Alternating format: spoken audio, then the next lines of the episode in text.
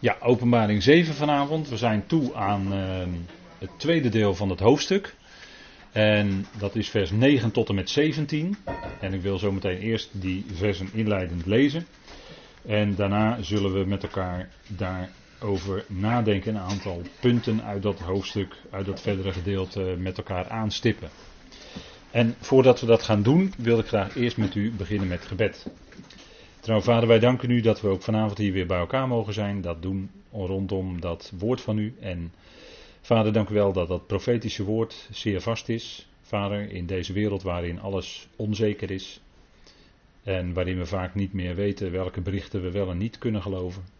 Vader, is uw woord betrouwbaar. En daar kunnen we van op aan. Het is vastgelegd al zo lang geleden. En het zijn uw woorden, vader. U heeft het geademd en door bijbelschrijvers laten neerschrijven. Vader, dank u wel dat u dat geeft. Dat woord van u, dat levende woord. Vader, dat uw geest, waar uw geest doorheen werkt. Dank u wel dat dat woord ons leven verlicht. Dat het ons uitzicht biedt op die grote toekomst die u heeft voor Israël, voor de gemeente en voor de volkeren. Voor de hele schepping. Vader, dank u wel dat we in dit Bijbelboek Openbaring, dat zoveel uitleggingen al heeft gehad, mogen zoeken naar de tekst en wat die tekst ons te zeggen heeft. Dank u wel, Vader, dat we dat op dat betrouwbare woord kunnen staan en daarop aan kunnen. Het is de waarheid van u, Vader. Dank u wel dat we u mogen kennen door uw geliefde zoon. En dank u wel dat we mogen bidden dan ook vanavond om de leiding door uw geest. Vader, en ons gebed is steeds dat we vervuld mogen worden met de erkenning van uw wil, opdat we daardoor u waardig wandelen en uiteindelijk ook daardoor groeien in de erkenning van uzelf. Dat we u erkennen als God, als de plaatser, als degene die alles zijn plaats geeft. Ja, vader, u bent het die ten diepste alles bewerkt. Vader, daar zijn we zo van overtuigd en uw woord getuigt daar heel rijk van. Dank u wel, vader, dat we zo u mogen danken voor ieder die hier is. En we bidden u ook voor hen die er niet bij kunnen zijn, om welke reden dan ook. Wees hen erbij, Heer, op de plek waar ze zijn. En dank u wel dat we verbonden zijn met ieder die ook deze studie later beluistert. Dank u wel dat we voor elkaar mogen bidden. En Vader, u weet ten diepste wat moet zijn en wat het beste is in ons leven. U werkt het uit tot het goede. Dank u wel, Vader, dat we altijd die hoop hebben, die verwachting hebben. Dat u uw plan zal voltooien en uiteindelijk met ieder tot uw doel zult komen. Dank u wel, Vader, voor die heerlijke genade dat we dat nu al mogen kennen en erkennen. Vader wil ons zo leiden in het luisteren, in het spreken. En mag het zijn tot opbouw en bovenal tot lof en eer en verheerlijking van uw naam. We danken u daarvoor in de naam van uw zoon. Amen. Goed, wij lezen met elkaar uit uh, Openbaring 7. En daar staat: Hierna zag ik en zie een grote menigte die niemand tellen kon. Uit alle naties, stammen, volken en talen stond voor de troon en voor het lam. Bekleed met witte gewaden en palmtakken in hun hand. En ze riepen met luide stem: De redding is van onze God, die op de troon zit, en van het lam. En alle engelen stonden rondom de troon, de ouderlingen en de vier dieren. Zij wierpen zich voor de troon neer met het gezicht ter aarde en aanbaden God. En zeiden Amen. De lofprijzing, de heerlijkheid, de wijsheid, de dankzegging, de eer, de kracht en de sterkte is aan onze God tot in alle eeuwigheid. Amen. En een van de ouderlingen antwoordde en zeide tegen mij: Dezen die bekleed zijn met witte gewaden, wie zijn zij en waar zijn ze vandaan gekomen? En ik zei tegen hem: U weet het, mijn heer. En hij zei tegen mij: Deze zijn het die uit de grote verdrukking komen. En ze hebben hun gewaden gewassen en ze hebben hun gewaden wit gemaakt in het bloed van het lam. Daarom zijn zij voor de troon van God en dienen hem dag en nacht in zijn tempel. En hij die op de troon zit, zal zijn tent over hen uitspreiden. Zij zullen geen honger of dorst meer hebben, en geen zonnesteek of enige hitte zal hen treffen. Want het lam dat in het midden van de troon is, zal hen weiden en zal hen geleiden naar de levende waterbronnen. En God zal alle tranen van hun ogen afwissen. Goed, tot zover deze tekst uit Openbaring 7. En u ziet hier een groot vraagteken.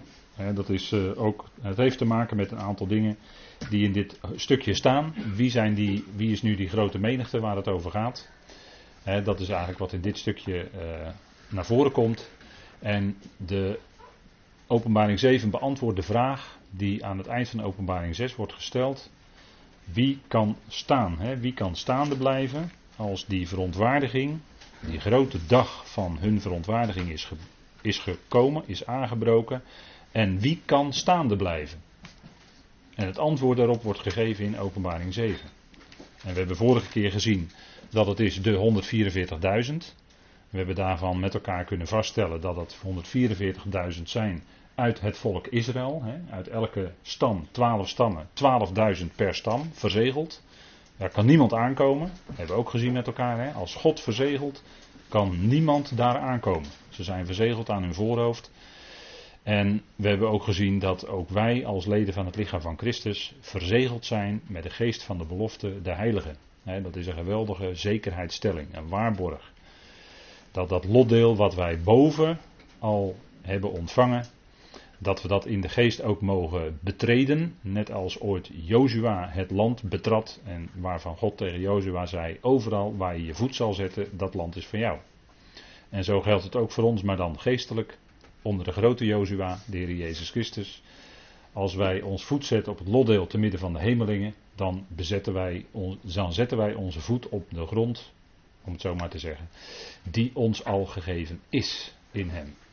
En op het moment dat wij op dat lotdeel in de geest gaan staan, onze voet zetten, vanaf dat moment zullen we ook een bijzondere geestelijke strijd ervaren en hebben we die hele wapenrusting nodig waar Efeze 6 over spreekt. De wapenrusting van God. Om ons te kunnen verdedigen en om na alles gedaan hebbend, hè, om na alles teweeggebracht hebbend of verricht hebbend, eh, geëffectueerd hebbend, dat is eigenlijk het beste woord, te staan te staan. Staan, stand houden. En dat is in deze tijd niet makkelijk. Stand te houden, want de geestelijke strijd is enorm. Maar die geestelijke strijd ervaar je als je dus je voet gezet hebt achter de grote Jozua aan op ons beloofde land boven te midden van de. Als je daar in de geest als het ware op bent gaan staan, als je dat hebt ontvangen, dan heb je ook strijd. En dat is de geestelijke strijd waarin wij staan. Nou goed, wie zijn nu degenen die kunnen staan, maar dan hier op aarde? Hè? Want we hebben het over de 144.000, dan gaat het om Israël, die hebben een lotdeel hier op aarde. Gebied wat aan de twaalf stam is toebedeeld. Werd onder Jozua door loting toebedeeld. Hè?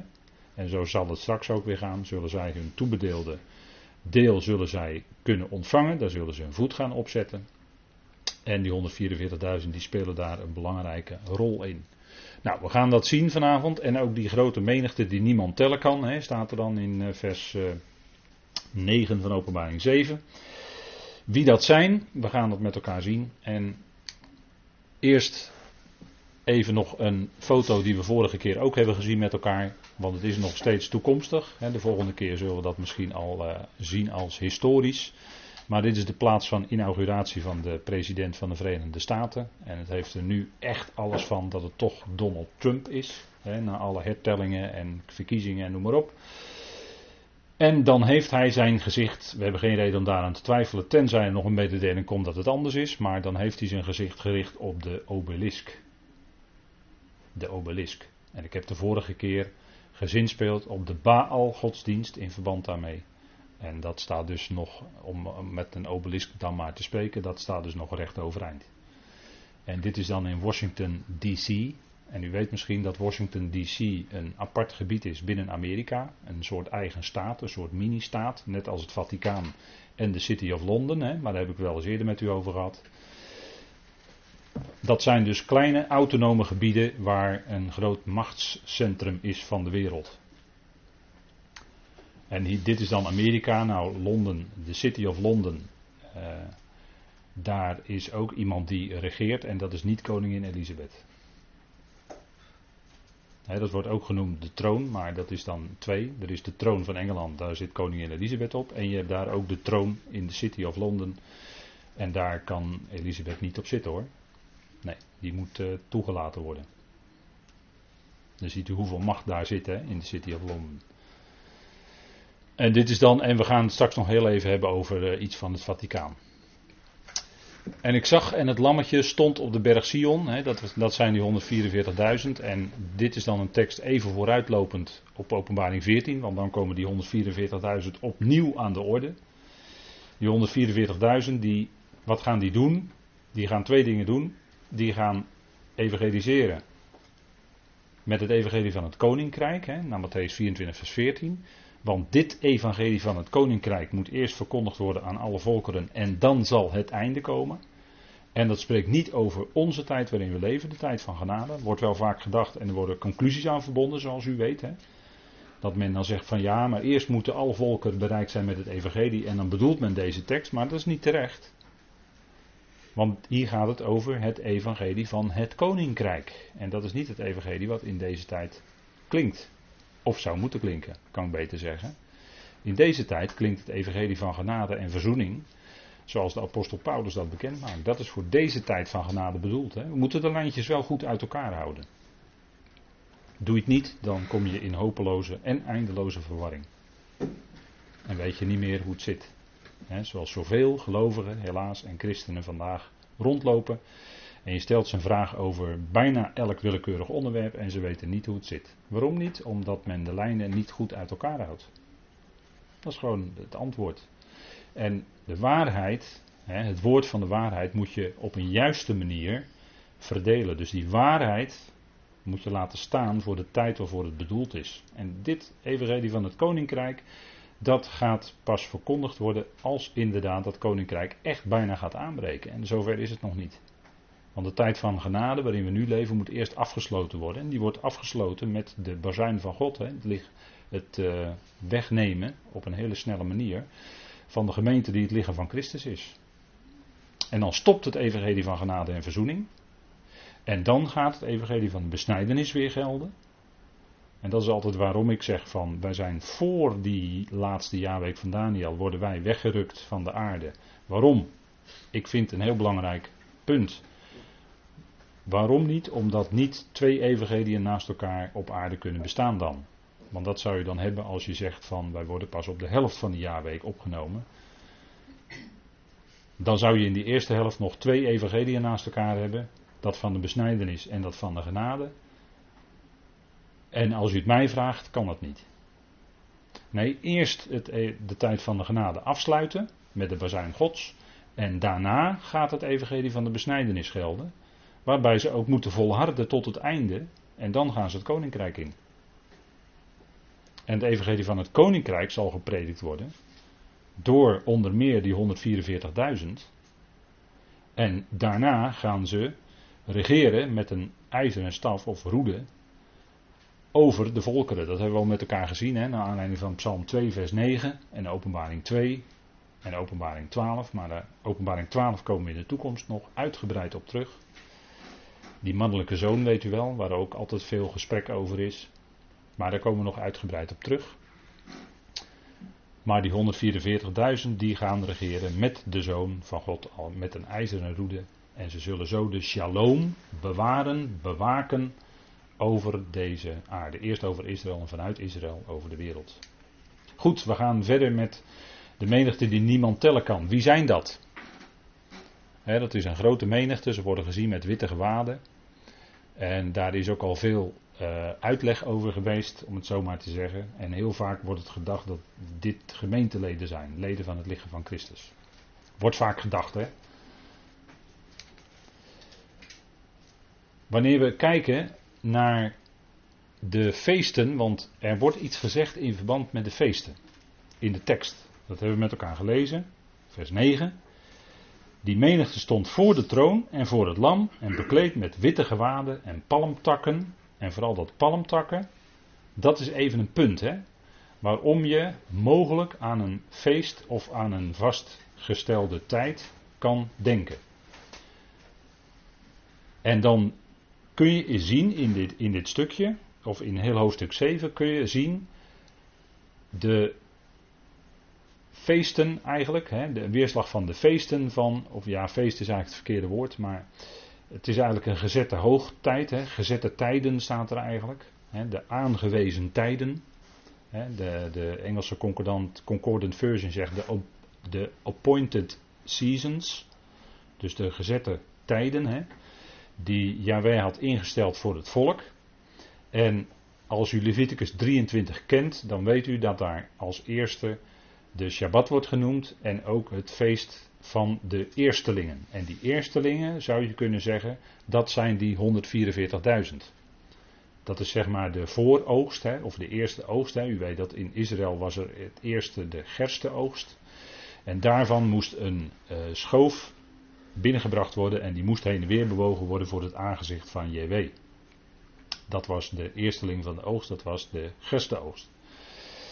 En dat, u, ik heb daarom ook een plaatje hier genomen van uh, afbeelding van het Bijbelverhaal van Rut. Want dat speelde ook zich af in de gerstenoogst, weet u wel. Prachtige geschiedenis, het boek Rut.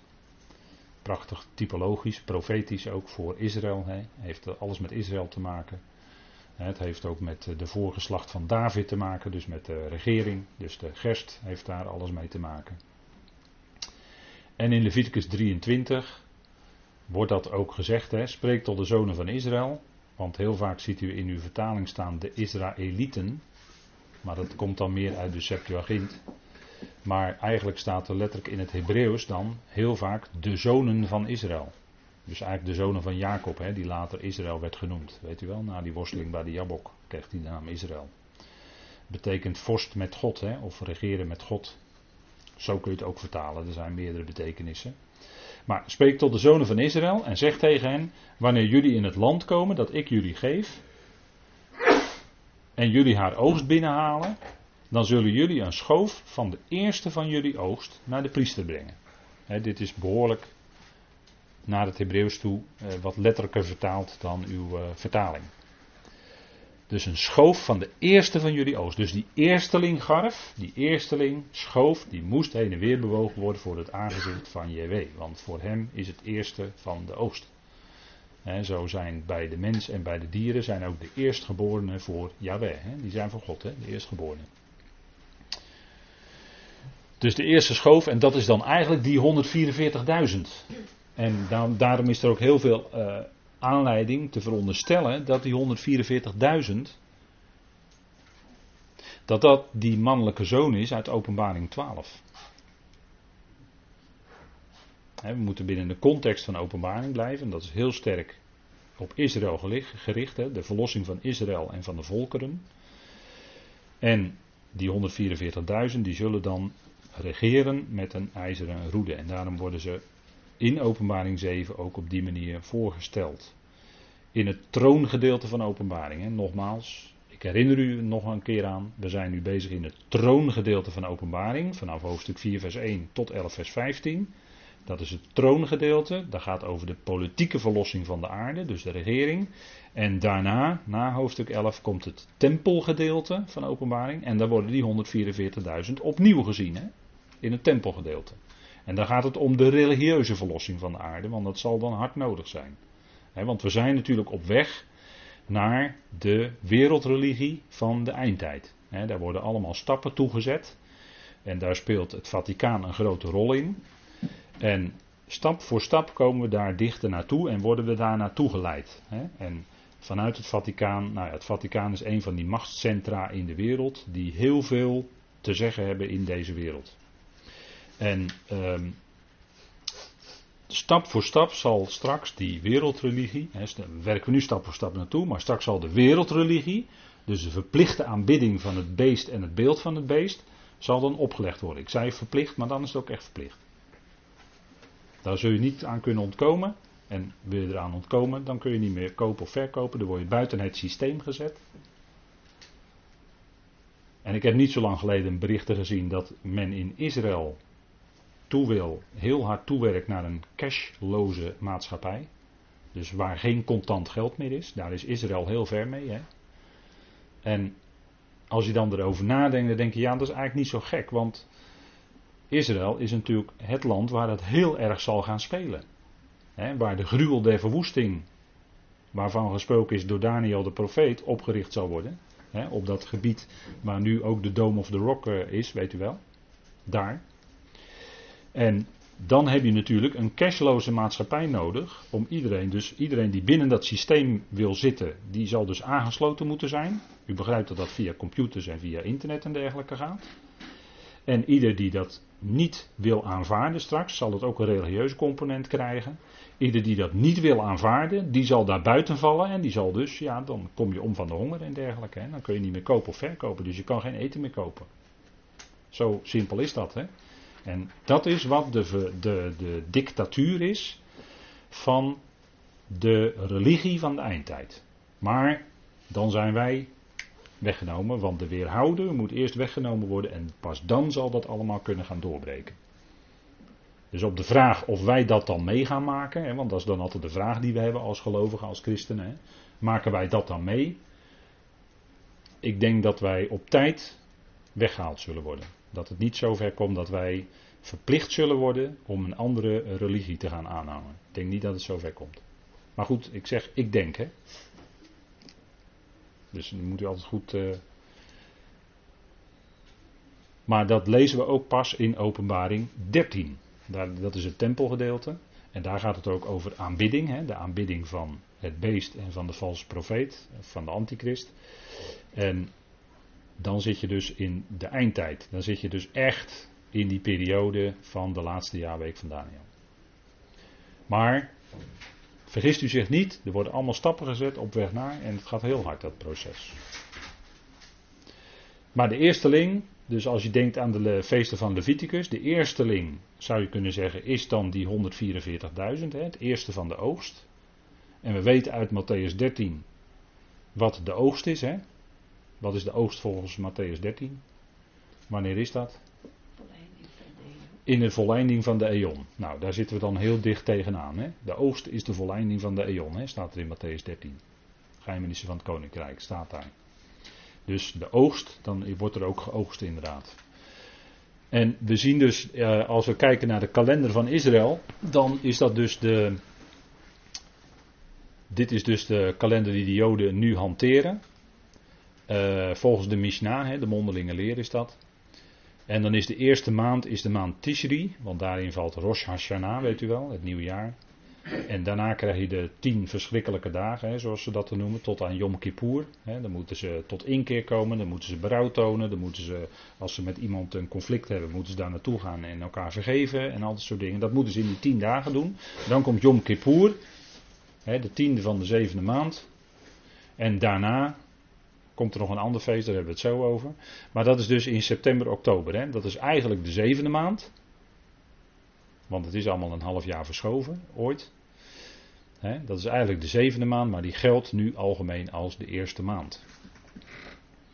En uh, als we het hebben over de geboorte van de Heer Jezus, dan denkt men vaak dat het of in september, oktober was, dus een beetje zo rond dat Loofhuttenfeest en dergelijke, of in maart, april, een van de twee.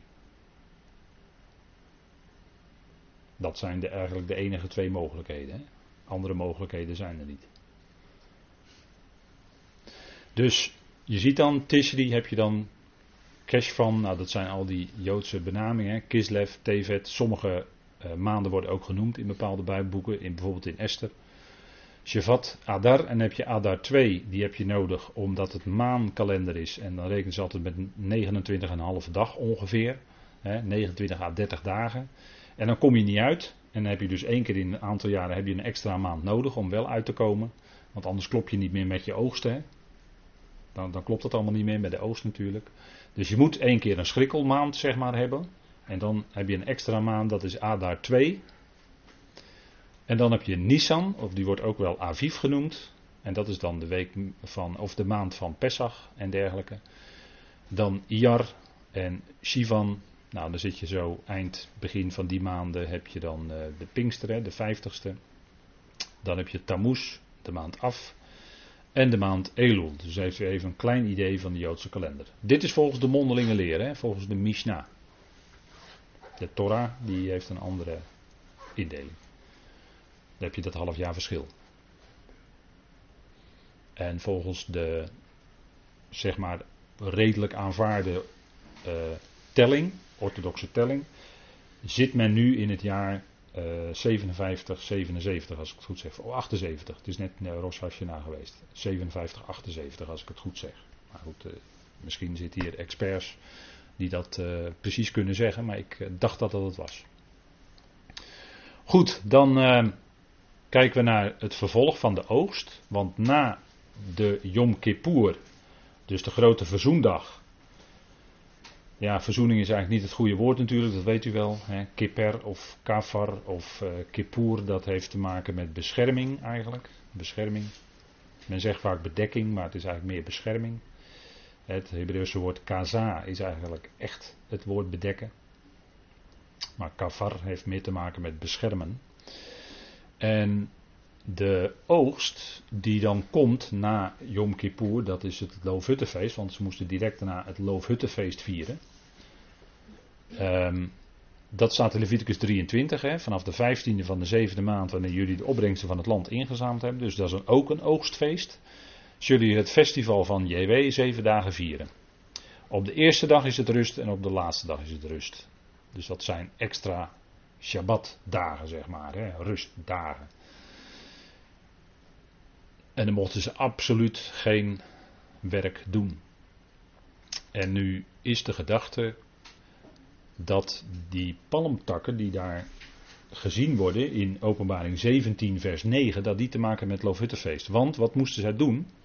Op de eerste dag staat in Leviticus 23 vers 40, zullen jullie voor jezelf vruchten van sierlijke bomen nemen, takken van, talm, takken van palmbomen, daar heb je ze, takken van loofbomen en beekwilligen nemen en jullie zullen je zeven dagen lang voor het aangezicht van JW, jullie Aleweim, dus de Heere, jullie God, verblijden.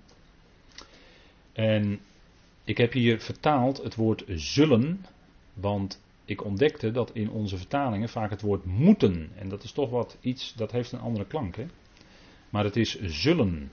Zullen je zeven dagen lang voor het aangezicht van JW verblijden. En op de eerste dag zullen jullie voor jezelf vruchten van sierlijke bomen nemen. En dat heeft toch een wat andere klank.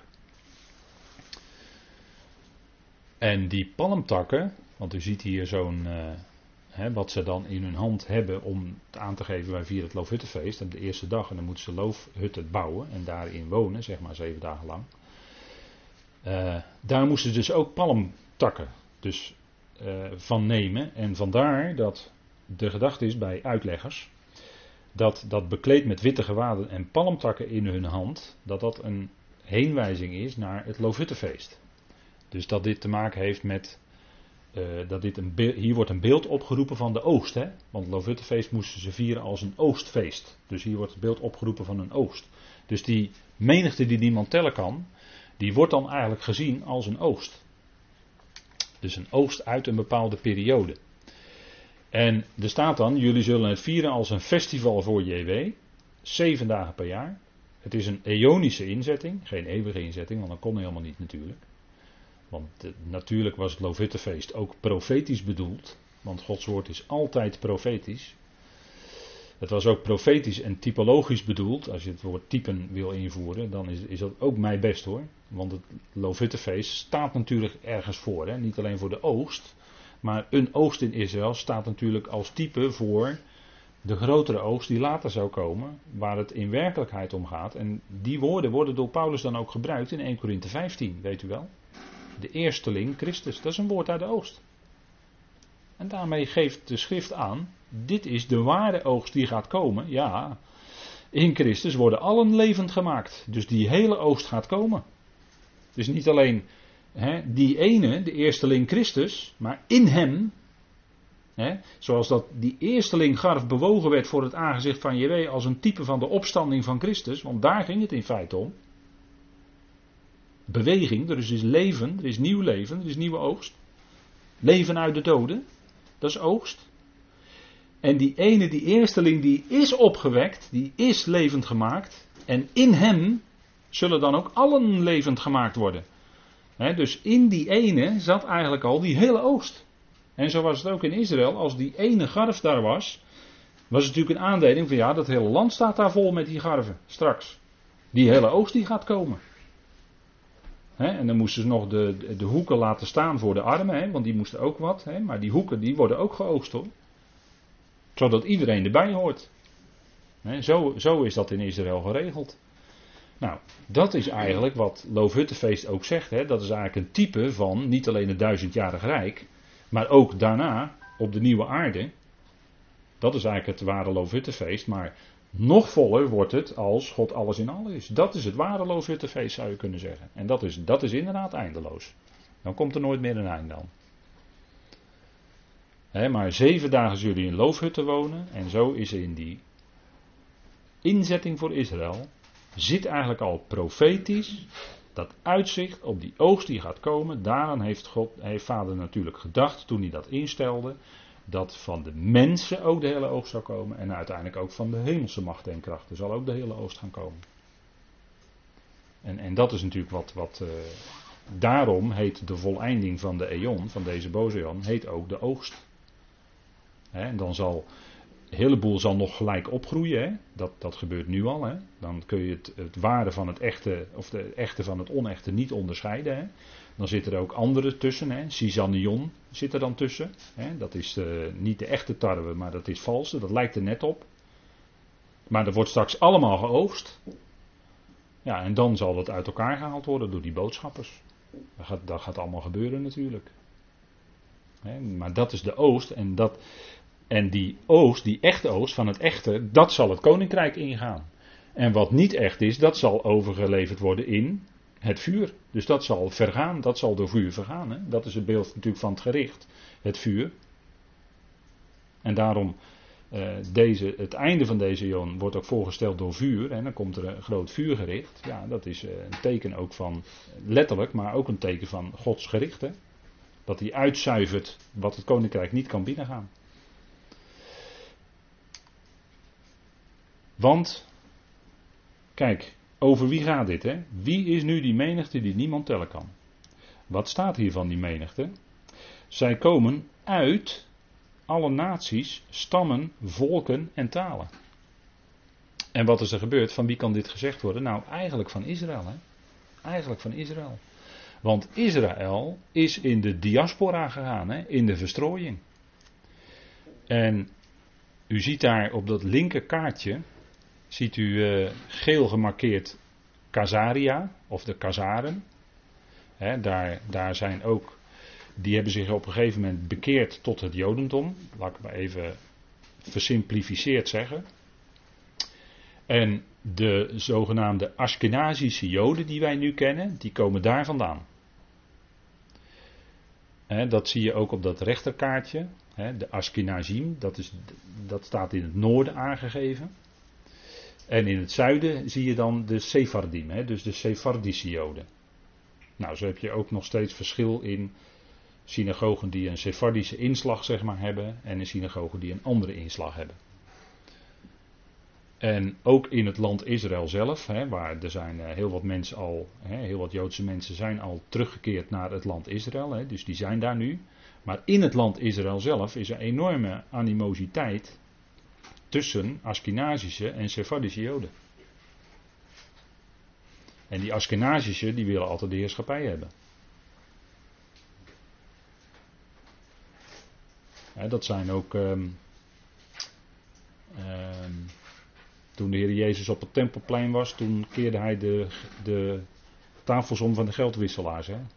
Dat zijn de, de geldwisselaars, als u begrijpt wat ik bedoel.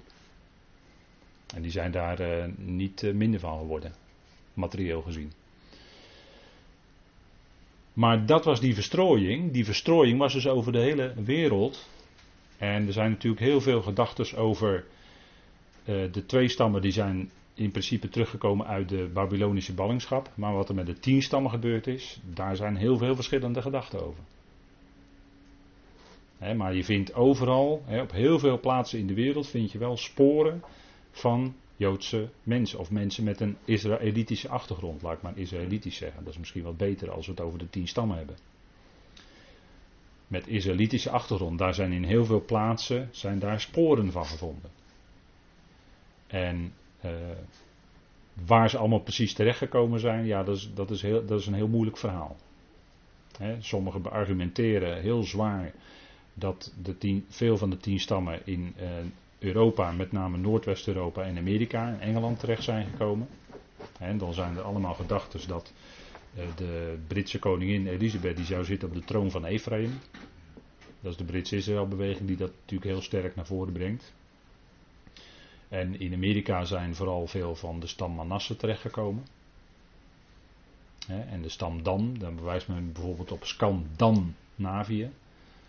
En namen als de Donau en de Dnieper. En dat zou allemaal afkomstig zijn van die wortel Dan. Nou goed, dat zijn allemaal gedachten. Ik laat het maar eens even horen wat er allemaal zo rondgaat. Dat zijn allemaal gedachten.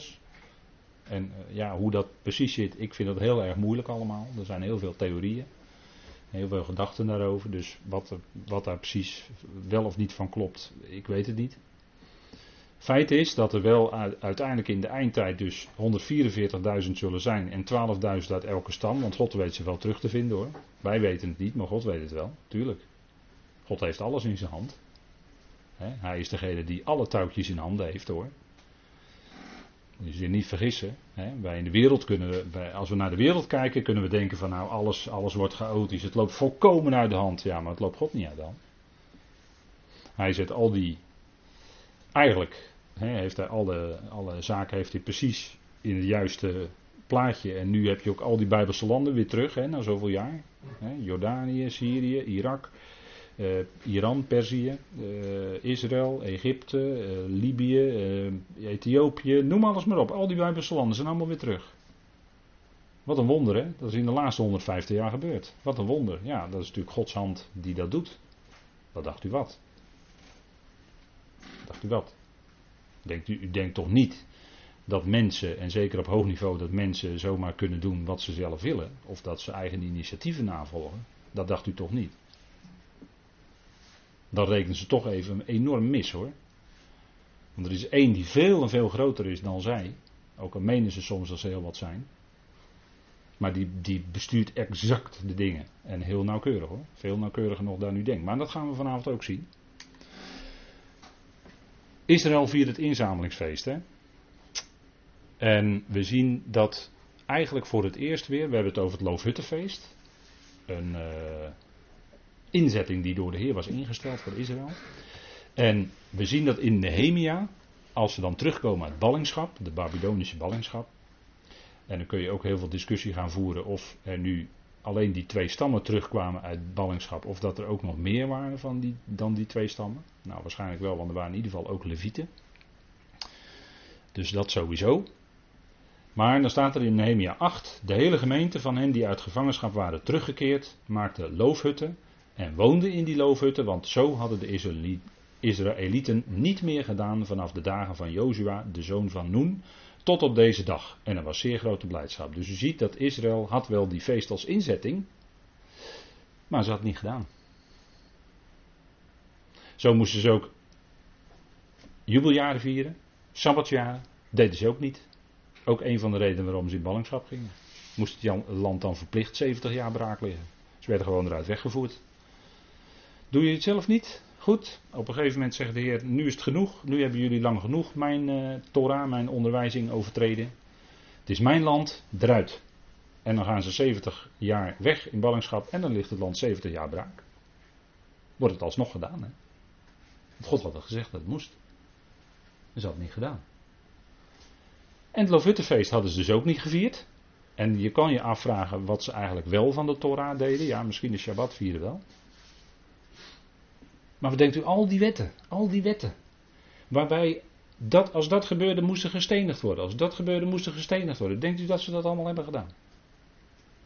Je leest er maar nauwelijks over. Dat het echt werd uitgevoerd in de praktijk. En dan, praat je met mensen soms. En dan zeggen ja, als je nou de geschiedenis hebt van koning David met Bathsheba, dan hadden ze eigenlijk allebei gestenigd moeten worden naar de wet. Nou, de wet hadden ze gestenigd moeten worden, Leviticus. En het gebeurde niet. En dat was onder de wet. Zonder de wet. Dus genade van God, onder de wet dan. Hij kreeg vergeving. Ja, maar de, de wet zei heel wat anders hoor. De wet zei dat ze allebei gestenigd moesten worden, ter dood gebracht moesten worden. Maar ze deden het niet. Het, het gebeurde niet. Nathan moest bij David komen en zeggen: Jij bent die man.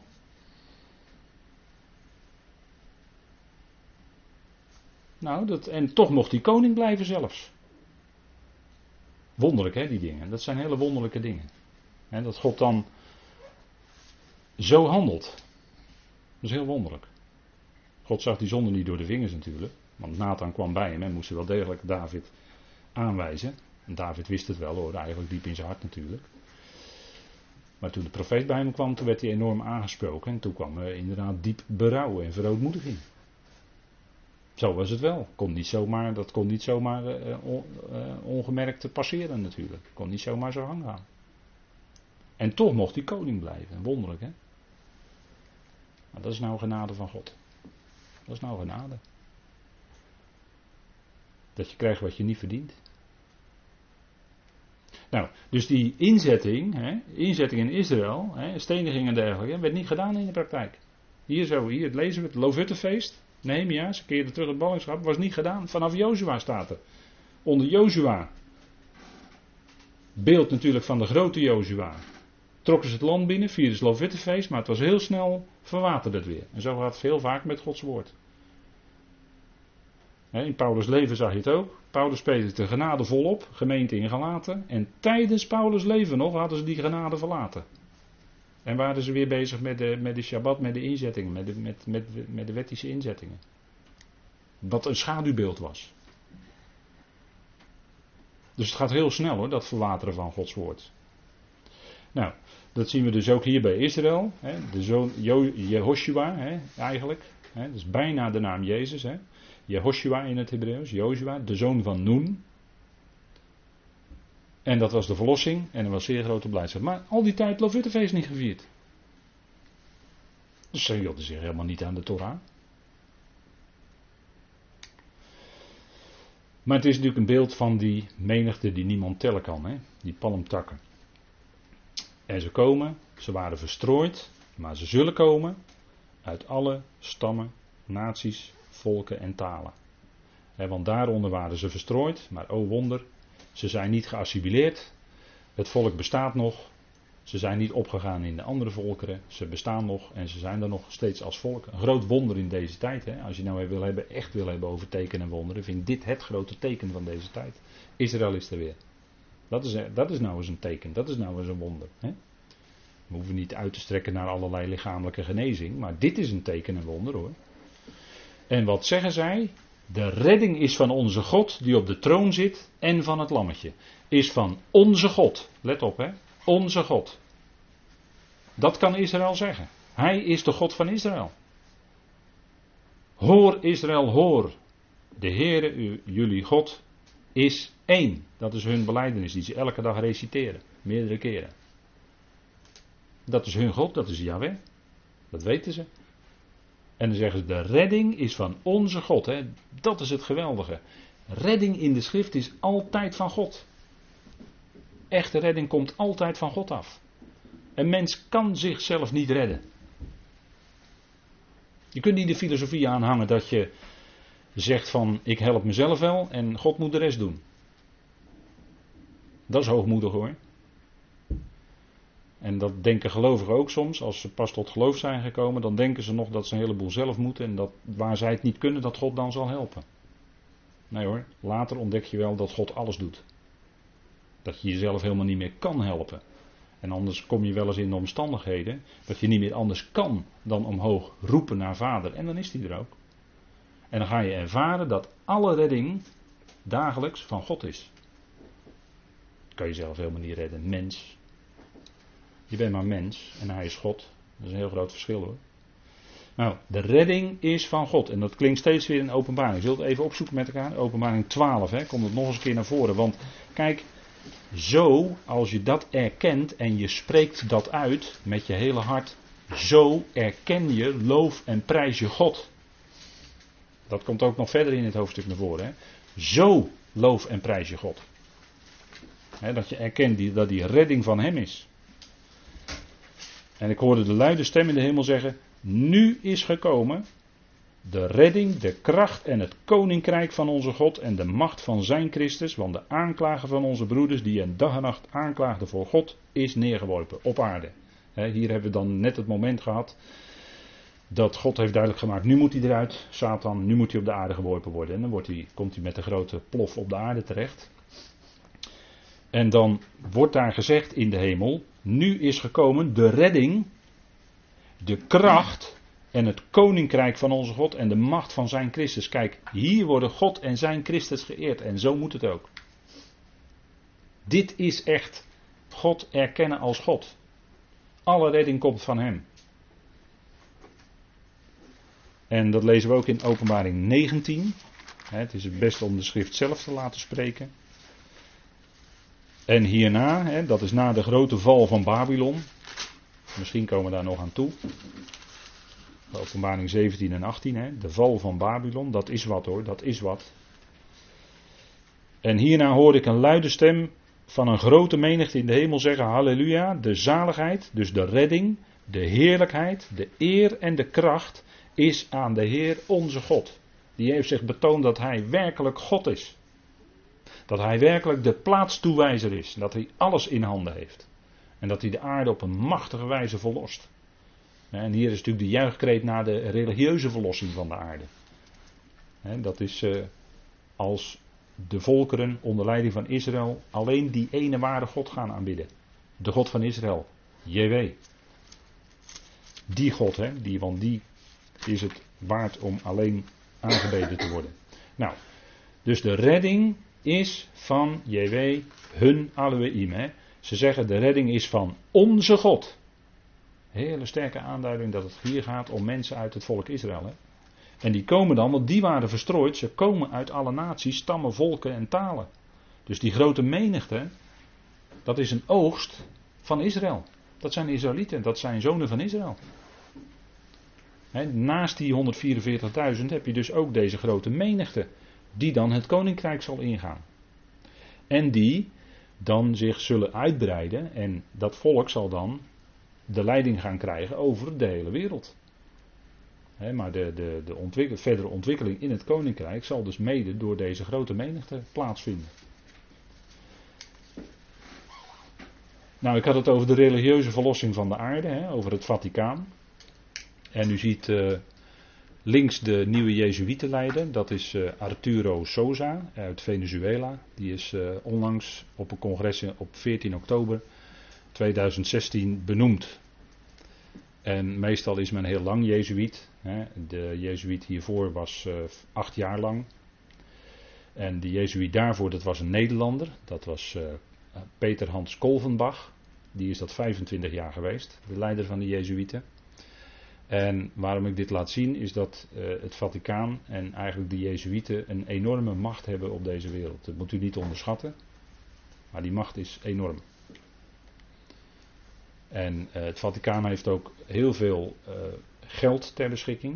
Het Vaticaan heeft een eigen bank en die is, die is goed voorzien hoor, die bank. Maar daar kunnen de Jezuïeten dus ook gebruik van maken. En de leider van de Jezuïeten, die wordt ook wel de Zwarte Paus genoemd. Dat weet u misschien wel. maar dat is, uh, ja, ze zeggen dan een soort schaduwpaus, maar men zegt dat in de praktijk de leider van de Jezuïeten meer macht heeft dan de paus zelf. Overigens is deze paus ook zelf een Jezuïet. Dat maakt dit plaatje wel bijzonder. En dan kunt u ook zien dat de macht van de Jezuïeten over deze hele wereld uh, op dit moment enorm is. En uh, dit is ook wel uniek dat een paus bij een Jezuïetencongres aanwezig mag zijn. Maar hij kan dat zijn omdat hij zelf eigenlijk ook Jezuïet is. En in 1975 was hij voor het eerst bij een Jezuïetencongres. En daarna nog een keer, maar dit jaar ben ik even kwijt. Uh, maar ik wil u hiermee aangeven dat uh, deze macht, hè, want de, dit Jezuïetengenootschap is al in de 16e eeuw gesticht door Ignatius de Loyola. Je kunt zo op Wikipedia nakijken allemaal wat ik zeg. Dus niks, niks nieuws aan. Staat allemaal gewoon uh, op, de, op die website. Maar, de, en die moest, een van de eerste daden was een contra-reformatie op gang brengen. Dat komt dus bij de Jezuïeten vandaan. En uh, u, moet, u moet u niet vergissen in hoeveel uh, bloed daarvoor is gevloeid. In het nasleep van die contra-reformatie. Degene die dus niet langer de moederkerk wilde volgen. En als ik zeg moederkerk, dan bedoelt de Rooms-Katholieke Kerk dat zij de moederkerk zijn. En eigenlijk vinden zij, en dat standpunt is onveranderd en dat zal altijd onveranderd blijven. Eigenlijk vinden zij dat alle kerken gewoon weer onder de moederkerk moeten komen. en uh, er zijn ook steeds meer besprekingen tussen protestantse kerken. Ik, ik meen dat de, hoe heet het, de PKN in Nederland? PKN? PKN? PKN heeft, uh, meen ik volgend jaar ook een, uh, een bespreking op hoog niveau met de Rooms-Katholieke Kerk. En dan weet ik wel welke richting dat is. als er toenadering is tussen twee kerken, tot de Rooms-Katholieke Kerk en anderzijds, dan is het altijd de beweging dat ze uiteindelijk moeten aansluiten bij de Rooms-Katholieke Kerk. Zo is de charismatische beweging ook voor een groot deel aangesloten op den duur bij de Rooms-Katholieke Kerk. Ja? Ik geef het maar even mee ter informatie, kunt u het zelf nazoeken en nakijken. Maar zo is dat hoor. dus uh, uh, kijk, dit, dit, dit is een beweging laat ik het zo maar noemen, een beweging die heel veel macht heeft in de wereld, maar waar je over in de dagelijkse pers, in de nieuwsberichten, hoor je nooit wat over. Maar zo is het wel met meer mensen, hè, die niet in het dagelijkse nieuws zijn, die wel heel veel macht hebben. Hè. Ik weet niet of u Nederland kent de familie Ventener van Vlissingen. Daar heeft u waarschijnlijk nog nooit van gehoord. Maar dat is een steenrijke familie en die heeft heel veel macht hoor. Maar die komen nooit in het nieuws. En zijn aandeelhouders van de Nederlandse bank. Geef het u maar even mee hè, ter overweging. mensen die niet in het nieuws komen, die hebben vaak heel veel macht achter de schermen. En achter de schermen kunnen zij allerlei dingen bewerkstelligen. dat is geen complottheorie, maar dat is wel dingen die spelen. Dit zijn gedocumenteerde dingen die u terug kunt vinden. He, die kunt u opvragen bij de Nederlandse Bank zelf bijvoorbeeld. Dat is gedocumenteerd. Dus er zijn allerlei mensen die soms heel even het nieuws komen, Hè, maar in feite achter de schermen heel veel macht hebben. Hè, en iemand, zo iemand was bijvoorbeeld ook uh, een bekende als uh, de Zuid-Afrikaan Mandela, die uh, kort geleden overleden is. En die was ook lid van de Malteser Ridderorde bijvoorbeeld. En dat is ook een hele machtige organisatie. de Malteser Ridderorde is een hele machtige organisatie. Maar het is allemaal achter de schermen. Dat is niet bekend. Weten veel mensen niet. Maar zo, zo liggen die dingen wel. En dat heeft allemaal te maken dus met die religie en met name eh, waar, waar, we het net over hadden, dat, die zetten dus grote stappen. want als er een, een interreligieus gebed is, wat dan in het nieuws komt, hè, gebed voor de vrede en dergelijke, met allerlei religies bij elkaar, dan heeft de paus, die heeft de leiding. De paus heeft de leiding. En dan ziet u hoe die dingen liggen in deze wereld. En die neemt het initiatief, die heeft de leiding. En die zorgt ervoor dat, hè, die bevordert heel sterk de wereldvrede, maar bevordert ook heel sterk dat alle religies één worden. Nou, dat is uh, een machtige figuur dus in dat opzicht. Goed, we gaan even terug naar openbaring 7. En alle boodschappers stonden rondom de troon. Dus we zitten hier in het troongedeelte van openbaring. Het gaat hier over de troon, de regering dus. De oudsten en de vier dieren. Zij wierpen zich voor de troon neer met hun aangezicht en aanbaden God. Representanten van de hemelse regionen, dat zijn de oudsten, dat hebben we al eerder gezien hè, met, in verband met openbaring 4 en 5. Hè. Die oudsten waren de representanten van de hemelse machten en krachten. En van het aardse dus de vier dieren. Hè. Dus die daar dan gezien worden. Of de vier levende wezens. Heel letterlijk. Nou, die zijn dan verenigd. Hè, die heffen hier in vereniging hun, uh, hun stem. En zij prijzen en loven God. En de verbinding daartussen zijn die boodschappers. Vandaar dat die ook genoemd worden. Hè. De verbinding tussen hemel en aarde. Dat gebeurt vaak door middel van boodschappers. de boodschappers, wij zijn een schouwspel, zegt Paulus, een theatron. Wij zijn een schouwspel voor de hemelse machten. En de boodschappen daarover, die is heel goed mogelijk dat die overgebracht worden door hemelse boodschappers. Naar hogere, de tronen, de heerschappijen, de soevereiniteiten enzovoort. Hè.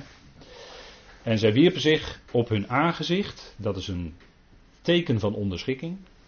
Hè, zij wierpen zich op hun aangezicht voor die troon, teken van onderschikking voor degene die op de troon zit. En zij aanbaden God. En hoe kun je nu God aanbidden, of waaruit blijkt dat je God aanbidt? Dat blijkt uit wat zij zeggen. Kijk maar. Aanbidding is dat ze zeggen Amen, en dan komen de zeven facetten. De zegening, de heerlijkheid, de wijsheid, de dankzegging, de waarde of de eer, de kracht en de sterkte is aan onze God voor de eonen van de eonen. Dan zal hij blijken ook te zijn werkelijk de levende God. Die is hij nu wel, maar de wereld kent hem niet zo. En dan, als openbaring geweest is, dan zal de wereld hem kennen als de levende God, inderdaad. En dan zal hij zich betonen, de levende God, in de eonen van de eonen. De plaatstoewijzer is dat, hè? Theos. Dus degene die alles op zijn plaats zet. En wat zeggen zij? Zij zeggen de zegen, de heerlijkheid, de wijsheid. Hè? Alle zegen kunnen wij alleen maar, en we kunnen eigenlijk alleen maar, als je het letterlijk vertaalt, goed spreken van God. Zegen is goed spreken van. Eulogeo in het Grieks. goed spreken van, of wel spreken van. Onze God. Kunnen we alleen maar goed van spreken. God is liefde. God is degene die alles op zijn plaats zet. God is degene die alles volvoert naar zijn plan. En in wijsheid, want hier wordt ook gesproken over de wijsheid. Hij is de bron van alle wijsheid. En als je nou wijsheid wil hebben, dan kun je maar bij één bron te raden gaan, dat is Gods woord. Wil je wijsheid hebben? Hoe te handelen of welke richting het op moet? Gods woord. Wil je wijsheid hebben om te kijken hoe het in de wereld gebeuren gaat en waar we naartoe gaan? Gods woord geeft antwoord. Gods woord geeft antwoord. En dan heb je ook rust en vrede in je leven. Als je dat houdt bij die uitspraken van God, want daarin zit die wijsheid van God. En hij doet het in ons leven niet verkeerd. God maakt nooit een fout. Wij denken wel dat de dingen mislopen of dat het helemaal misgaat. Nee, God maakt nooit een fout. Dat is zijn wijsheid. dat moet denken aan het lied, laat hem besturen waken. Het is wijsheid wat hij doet. Het is wijsheid wat hij doet. Alleen wij hebben daar vaak moeite mee. Omdat het een kant op gaat die wij misschien niet willen of niet wensen. Dat kan. Maar het is toch dan niettemin ten diepste zijn wijsheid. En zijn wijsheid wordt altijd bepaald door zijn liefde zijn liefde is de grote bron en van daaruit is hij wijs. Van daaruit betoont hij zijn gerechtigheid. Van daaruit laat hij zien dat hij alle kracht heeft. Maar het is altijd, de bron is altijd zijn liefde. en de dank, nou wie kunnen we meer danken dan hem? Je hebt altijd reden om God te danken. Altijd. Er is altijd alle reden om hem te danken. Voor alles wat je ontvangt. Alleen we zijn zo verwend dat als we een, een, geweldig iets uit zijn woord hebben ontdekt, dan zijn we het uh, een halve dag later alweer vergeten en dan willen we weer het volgende. Nee, sta er dus heel bewust bij stil. Dank God dus heel bewust voor wat je uit zijn woord hebt mogen horen of mogen ontdekken. Ga hem daarvoor danken. Dat, dat, is, dat is zo bijzonder dat het bij, vooral bij Paulus naar voren komt. Hè, in Filippenzen 4, als hij het heeft over het gebed. Dan is het met dankzegging. Met dankzegging, omdat we weten dat God het niet verkeerd doet. Nou, de waarde, de kracht en de sterkte is aan onze God. dat is wat gezegd wordt. Dat is hun aanbidding. God, en, vaak in, in aanbiddingsliederen enzovoort, u weet het wel, die, vaak worden door in pre-samenkomsten worden aanbiddingsliederen, dan heb je aanbiddingsleider, dan heb je aanbiddingsband enzovoort. Hè, er wordt allemaal prachtig gezongen. God is groot. Ja, goed, God is groot. Ja, maar waarom is dat zo? Waarom is hij dan groot? Dat wil ik dan graag ook weten. Waarom hij groot is. Nou, dat maakt zijn woord toch duidelijk. Dat hij degene is die alles in handen heeft. En, en dat aan hem alle kracht is en alle eer. En dat hij het uitwerkt. en, en soortgelijke bewoordingen. Ik heb de teksten eronder gezet. en, en moet dat nalopen. Nee, u moet niks. Maar u kunt dat nalopen en daar word je rijk van als je dat naloopt, word je daar rijk van. openbaring 4 klinkt het ook, zelfde bewoordingen. Openbaring 5, openbaring 11, vers 17. als, als, als de, de, de, troon daadwerkelijk aan, aan de koning van de koning en de heren der heren is gekomen. Dan klinkt opnieuw dit. Hè? En, en waarom is God nou groot? Waarom is God nou te aanbidden? Omdat hij werkt. Hij werkt in de geschiedenis. Niet alleen in het verleden, maar zo werkt hij ook vandaag. Alleen geloven wij dat niet. Altijd, omdat we tegen de dingen aankijken en we kijken er niet doorheen. Maar hoe meer je weet over God en zijn woord, hoe meer je ook door de dingen heen kan kijken vandaag de dag. en en uh, een punt is van Gods almacht en Gods handelen, dat God alle touwtjes in handen heeft, blijkt wel bij Farao. Gods handelen met Farao. Daar wordt altijd over gediscussieerd. In hoeverre heeft Farao zijn eigen hart verhard? He, laat ik maar even met de woorden van de vertaling dan zeggen. En in hoeverre heeft God dat dan gedaan? Dat is een vraag. En dat heeft alles te maken met de almacht van God, of de, het totaal onder controle hebben door God van alles. En in hoeverre de mens daarin speelruimte heeft, want dat is dan altijd de vraag. Dat is altijd de vraag. Hè? En als je die geschiedenis gaat bestuderen, dan kom je eigenlijk ja, tot de overtuiging hoe dat zit. Maar uh, het is nu 9 uur, we gaan even pauzeren. Dan gaan we na de pauze, ga ik daar met u over nadenken.